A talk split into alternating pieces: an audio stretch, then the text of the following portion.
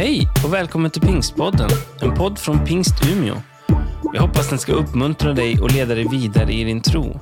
För att få mer information om Pingst Umeå och allt som händer i kyrkan, gå in på umia.pingst.se eller följ oss på Instagram och Facebook, at pingstumia. Ja, det där är en av de, de starkare sångerna, tycker jag. Fredrik Wern heter jag, en av pastorerna här i församlingen. Jag har, tror jag börjar förstå att man ska presentera sig när man ställer sig här uppe. Ibland kommer jag ihåg det, ibland inte. Vi, jag lever i en illusion om att vi fortfarande är där vi kallar för sommarkyrkan. Eh, som vi brukar ha med den här församlingen på sommaren. Att vi, vi har ju firat gudstjänst ute på parkeringen eh, ett antal söndagar i sommar. Eh, men nu har väl vädret eh, börjat kanske komma ikapp oss, jag vet inte. Men jag lever i alla fall kvar i att det är sommarkyrka. Och då har vi försökt fokusera på möten med Jesus. Möten med Jesus. Och jag skulle vilja ta oss med till ett möte med några människor vid stranden vid Galileiska sjön i Israel. I Matteus evangeliet kapitel 4, vers 18 till 20. Där står det så här. När Jesus vandrade längs Galileiska sjön såg han två bröder. Simon som kallas Petrus och hans bror Andreas. De stod och kastade ut nät i sjön för de var fiskare. Och han sa till dem, kom och följ mig så ska jag göra er till människofiskare. Och genast lämnade de näten och följde honom. Uppdraget är temat idag. Och skulle, det första jag skulle vilja säga är, det handlar om vad du gör. Det handlar om vad du gör. En av de vanligaste sakerna som jag tror att jag säger när jag står här och predikar är tvärtom.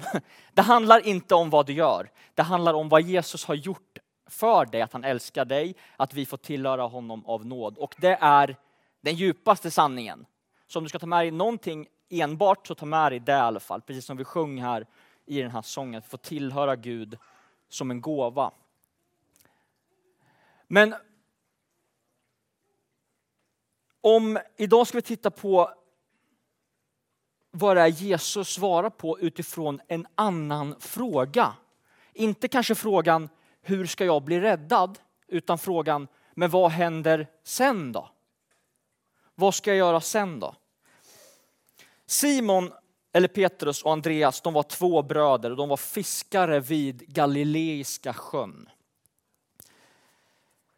Och Jesus gick längs den här sjön och det låter nästan som att han lite i förbifarten fick syn på de här två bröderna och kalla på dem. Och efter deras väldigt korta möte så var de beredda att liksom resa sig upp, lämna allt och följa honom. Då blir man ju väldigt nyfiken på vad var det Jesus sa som gjorde den där totala omvändningen i deras liv. Säger han, kom till mig så ska ni få sitta still och lyssna. Eller kom till mig så ska ni få evigt liv. Det säger han ju inte här. Ibland säger han det på andra ställen. Men här, vad är det han säger till Simon och Andreas? Han säger kom och följ mig och jag ska göra er till människofiskare. Och på de orden reser de sig upp, lämnar allt och följer honom. Uppdraget, kom och följ mig så ska jag göra er till människofiskare. Alltså de får någonting meningsfullt att göra med sina liv. Det de väntade på var att någon skulle komma till dem, naturligtvis inte vem som helst, men att någon kommer och ger dem ett uppdrag som de får vara med i. Någonting meningsfullt. För man kan ju fråga sig de här två bröderna, de här två fiskarna, vad var deras behov egentligen? Alltså de hade det ju ganska bra materiellt sett, fysiskt sett. De hade ett jobb, de var fiskare, de hade en inkomst, de var en del av samhället på det här sättet och Så vitt vi vet så hade de inga sjukdomar eller någonting sånt. Vad var deras behov? Jag tror att alla människor behöver Jesus. Alla människor behöver få vända sig till Gud och säga jag vill tillhöra dig. Så det är klart att det är deras behov. Men annars, vad är deras behov? Deras behov är att de behöver någonting meningsfullt att göra. Ett uppdrag. Det var det som fick allting att liksom klicka och förändra allt i deras liv. Uppmaningen kom och följ mig och jag ska göra er till människofiskare. Alltså det här att, att bara fiska för sig själv, att ge sig själv mat. Det behöver vi ju, annars dör vi. Det är hyfsat bevisat genom historien att om vi inte äter så dör vi. Det behöver vi. Men om det är liksom allt i våra liv. Jag tror att det finns flera i, i vårt samhälle, kanske här idag, som känner att man har det ganska bra. Man har det ganska bra fysiskt sett. Kanske redan eh, eh för länge sedan så, så blev man en del av den här församlingen eller man, man sa ja till att följa Jesus. Men sen en tid tillbaka kanske så har man känt att ja, men det finns någon slags rastlöshet, någon slags tomhet. Men sen då? Man går till sitt jobb, man äter sin mat och man, man eh, kollar på, inte vet jag vad man, vad man ser, men jag kollar på Solsidan. När man sett det liksom för fjärde gången. Okej, okay. är det här allt liksom? Vardagen snurrar på. Nu då, Gud? Och för mig och för dig kanske så snurrar det på. Men det finns idag människor som bokstavligt och bildligt drunknar. Som lever i mörker och som är i behov av att någon kommer och drar dem upp. Och Jesus säger till dig och till mig, du ska få vara med och fiska människor. Du ska få vara med och fiska människor. Så frågan blir någonstans, okej, okay, om vi finns i den där, vad brukar man kalla det, slentrian eller, eller så. Det går på rutin och man känner någon slags rastlöshet. Okej, okay, men har du och jag, har vi sagt ja till uppdraget? Har vi sagt ja till uppdraget? Alltså vi har fått öron att lyssna med och det är superbra att vi får det. Vi har två öron och en mun. En bra påminnelse ibland. Vi får ta emot först. Men vi har också fått händer så vi kan bygga och så vi kan vårda med. Vi har fått fötter att gå med och vi har fått ben att kunna bära med. Och hjärtan som bryr sig. Har vi sagt ja till uppdraget? Det handlar om vad du gör. Följ mig. Vart följer vi Jesus då? Vart följer vi Jesus?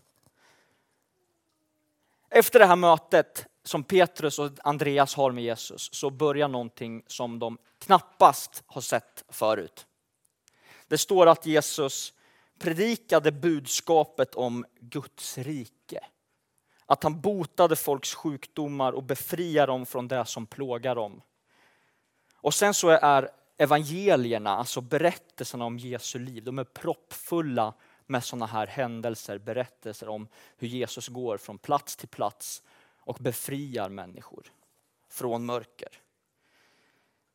Jesus söker ständigt efter att hitta den som är vilse, den som är utanför, den som är sjuk, den som har någonting trasigt.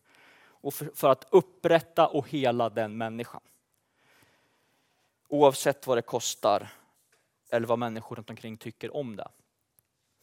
Jag brukar ibland få höra eller säga själv eh, så att som pastor så ska man inte ha favoritbibelord. Utan alla är liksom lika bra. Men det är väldigt svårt att komma runt att vissa bibelord är ändå lite extra lika mycket bra. Och för mig är Lukas evangeliet 19 och 10 ett sånt bibelord. Det står väldigt kort och enkelt. Människosonen har kommit för att söka upp och rädda det som är förlorat. Människosonen har kommit för att söka upp och rädda det som är förlorat. Och det här är på något sätt, det här är Jesus som säger det om sig själv. Det här är en självdeklaration. Ibland får man ju den frågan, så här, vem är du? Om du ska beskriva dig själv kort. Och det är ju, beror ju säkert på sammanhanget. Sitter man i någon jobbintervju då vill man kanske, men jag gillar utmaningar eller eh, tycker om att lära mig nya saker. Eller något sånt där. Och sitter man på, på en middag så blir det kanske mer, ja men en vanlig kille, eh, gillar tacos, typ. Men, och, och liksom skulle man dra till med någonting så bara, men jag vill vara med och förändra världen. typ. Jag vill vara med och förändra världen. Det kanske låter bra och någon kanske tycker att det låter Ja, det var lite höga anspråk. Men lyssna på vad Jesus säger. Vem är du Jesus? Jag är den här världens räddning. Jag kommer för att söka upp och rädda det som är förlorat. Det är väldigt höga anspråk. Antingen är det så att Jesus var liksom en av världshistoriens mest egotrippade människor. Eller så stämmer det här. Och det Bibeln vill göra på sida efter sida i de här evangelierna, det är att visa på att de här höga anspråken som Jesus gör, att de håller.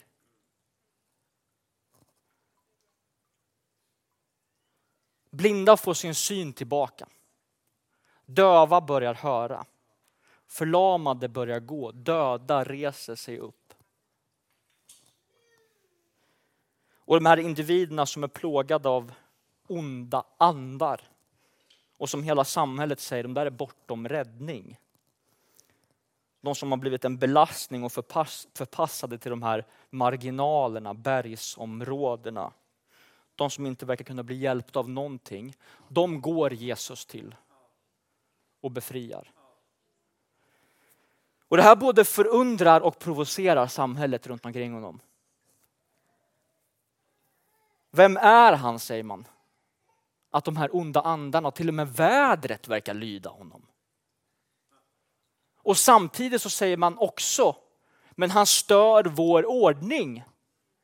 Alltså vi har ju samhället på det här sättet, vi har hela och rena människor här i centrum och sen har vi de där som är lite annorlunda, de som är trasiga och så, de där borta. Det är så vi har det. Men Jesus kom inte för att bevara den där ordningen. Han kom för att söka upp och rädda det som är förlorat. Det är vem Jesus är. Också de som lever i skuggan är människor. Och det här säger någonting, tycker jag, både om Jesu makt. Alltså de som var bortom räddning, de räddar han. Och det säger någonting om hans hjärta.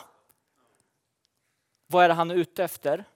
Och det säger någonting också om hans integritet eller hans trovärdighet. Man kan säga i runda slängar, det är väldigt svårt att mäta det här, men det finns ungefär två miljarder kristna idag. Tror jag, om jag inte, ja, någonting sånt. Vi säger det. Och kollar vi historiskt så finns det ju ännu många fler. Och det här, att det finns så många människor skulle kunna vara ett argument för att okej, okay, det den här berättelsen pratar om och den där Jesus, det han säger, det kanske ligger någonting i det. Alltså två miljarder människor plus kan väl inte alla ha fel samtidigt? Och för mig är det där stärkande. Det stärker faktiskt min tro att okej, okay, vi är många i det här. Jag är inte ensam som har fått för mig någonting. Men jag skulle vilja säga så här. Att två miljarder plus människor följer Jesus, det är inte det som bekräftar hans trovärdighet. Det som bekräftar Jesu trovärdighet är att de tillfällen då noll personer följer honom, så fullföljer han sitt uppdrag. Så fortsätter han att gå till de människor som är förlorade, även om samhället runt omkring tycker om det eller inte.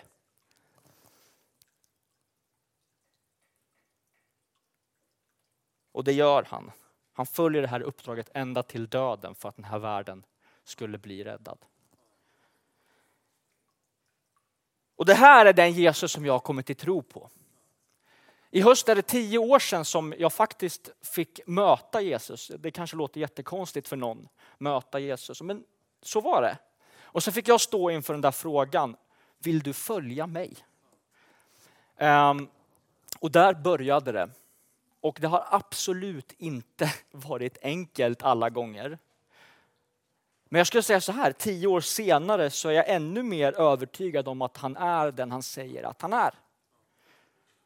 Och den där Jesus har vi som församling här sagt att honom vill vi följa. Honom vill vi följa. Följ mig och jag ska göra er till människofiskare. Alltså det finns en hel värld som behöver få höra om Jesus. Det finns miljoner människor som lever i mörker och som bokstavligt och bildligt drunknar just nu.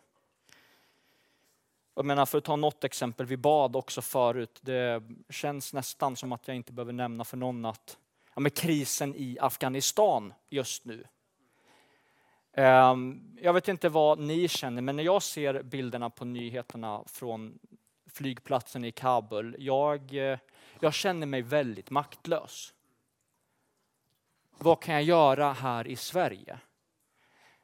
Det finns saker vi kan göra rent praktiskt och hjälpa till med. Det finns flera organisationer på plats som man kan stötta på olika sätt. Men jag skulle också vilja säga att du och jag, vi också inbjuds till precis det vi gjorde förut. Vi kan få be. Vi kan få be. Oavsett, skulle jag vilja bjuda in dig nu, oavsett vad du tror eller inte, var med och be för Afghanistan. Var med och be för Afghanistan. Alla kan be. Och Man kan ju också då undra så här, okej okay, när man ser de här bilderna, eller andra eh, platser som man känner för och som man sörjer över. Var finns Gud i de lägena? Var finns Jesus någonstans? Och då är det så, det hjälper mig att se när jag läser berättelsen om vad är det Jesus gör. Han gick vart? Till de mörkaste platserna. Vart är Jesus någonstans? Han är här, men han är också kanske extra mycket just nu i Afghanistan, i Kabul. Där är Jesus och känner och bär. Och vi får vända oss till Jesus och be. Jesus, fortsätt ditt verk, gör ditt verk. För vi vänder oss inte till Jesus som någon slags maktlös Gud. Inte ens döden kunde hålla kvar Jesus. Inte ens döden kunde hålla kvar Jesus. Honom får vi vända oss till också i, idag och i, i, i samband med när vi ber för Afghanistan. Och andra saker som vi känner och, och bryr oss om. Följ mig och jag ska göra er till människofiskare, säger Jesus. Och det här, egentligen är uppmaningen bara följ mig. Och sen säger Jesus, jag ska göra er till människofiskare. Följ mig och Jesus ska göra resten. Och jag skulle vilja avsluta med att läsa en, en händelse som lite grann fångar det där tycker jag. Och det är från Lukas evangeliet. Lukas evangeliet som också finns i Nya Testamentet kapitel 9. Från vers 12 till 17. Det är en berättelse om när Jesus mättar över 5000 personer. Och jag läser, där står det så här. När dagen började gå mot sitt slut kom de tolv, alltså hans lärjungar, och sa till honom Skicka iväg folket så att de kan gå till byarna och gårdarna här omkring och få mat och husrum. Vi är ju på en ödslig plats här. Och han sa till dem Ge ni dem att äta. Men de svarade, vi har inte mer än fem bröd och två fiskar. Om vi nu inte ska gå och köpa mat åt allt det här folket. Det var ju omkring 5000 män. Och då sa han till sina lärjungar, låt dem slå sig ner i matlag, ungefär 50 i varje. De gjorde så och alla lät, och alla, och lät alla slå sig ner.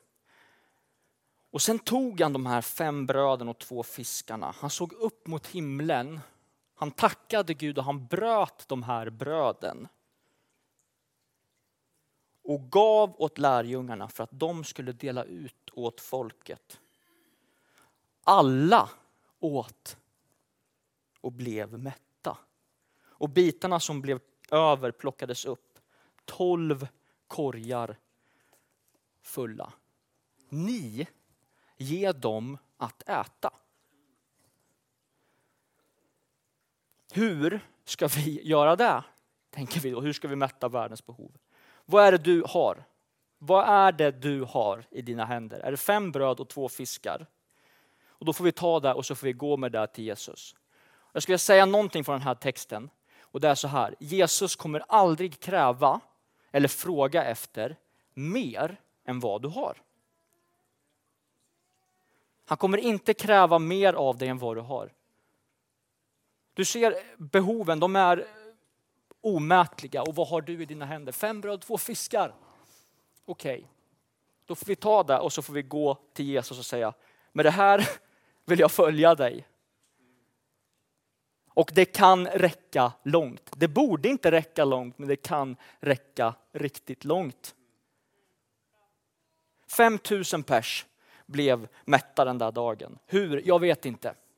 Men jag, jag, går inte heller då till mig själv, utan jag säger Jesus, det här har jag, gör det din grej. Jesus. Och fem bröd och två fiskar, 5000 pers. Kom och följ mig och jag ska göra er till människofiskare. Det är egentligen uppmaningen från Jesus idag, eller i den här texten, i Matteus kapitel 4. Och det kanske är så att du har funnits i en församling, i den här församlingen och bekänt dig som kristen länge. Men känner att, men nu då, vad är nästa steg? Den där uppmaningen är till dig och till mig. Och kanske är det första eller du är ny i, i, i de här sammanhangen med kyrka och, och så. Den uppmaningen är till dig också. Kom och följ mig och jag ska göra er till människofiskare. Vi ska sjunga en eh, sång, ett par sånger till. Och eh, under tiden så kan man få svara på den uppmaningen, den inbjudan i bön och i lovsång. Idag har vi inga personliga förebedjare, så nej. Men eh, vill du svara på den bönen lite mer konkret, kom och prata med oss pastorer. Efteråt, eh, efter gudstjänsten, så vill vi be och prata med dig. Vi ber tillsammans. Jesus, jag tackar dig för att vi får fästa våra ögon på dig. Jag tackar dig för att även när det ser omöjligt och när det är omöjligt i, i vår kraft så får vi lita på att du lyckades vända till och med döden. Vi vänder oss till dig. Jag tackar dig för att vi också får följa dig Jesus med våra liv. Vi kan följa så mycket grejer, vi kan följa så mycket som egentligen inte leder någonstans eller ger någonting av beständigt värde. Men en uppmaning, ett ord från dig, följ mig, kan vända hela våra liv upp och ner.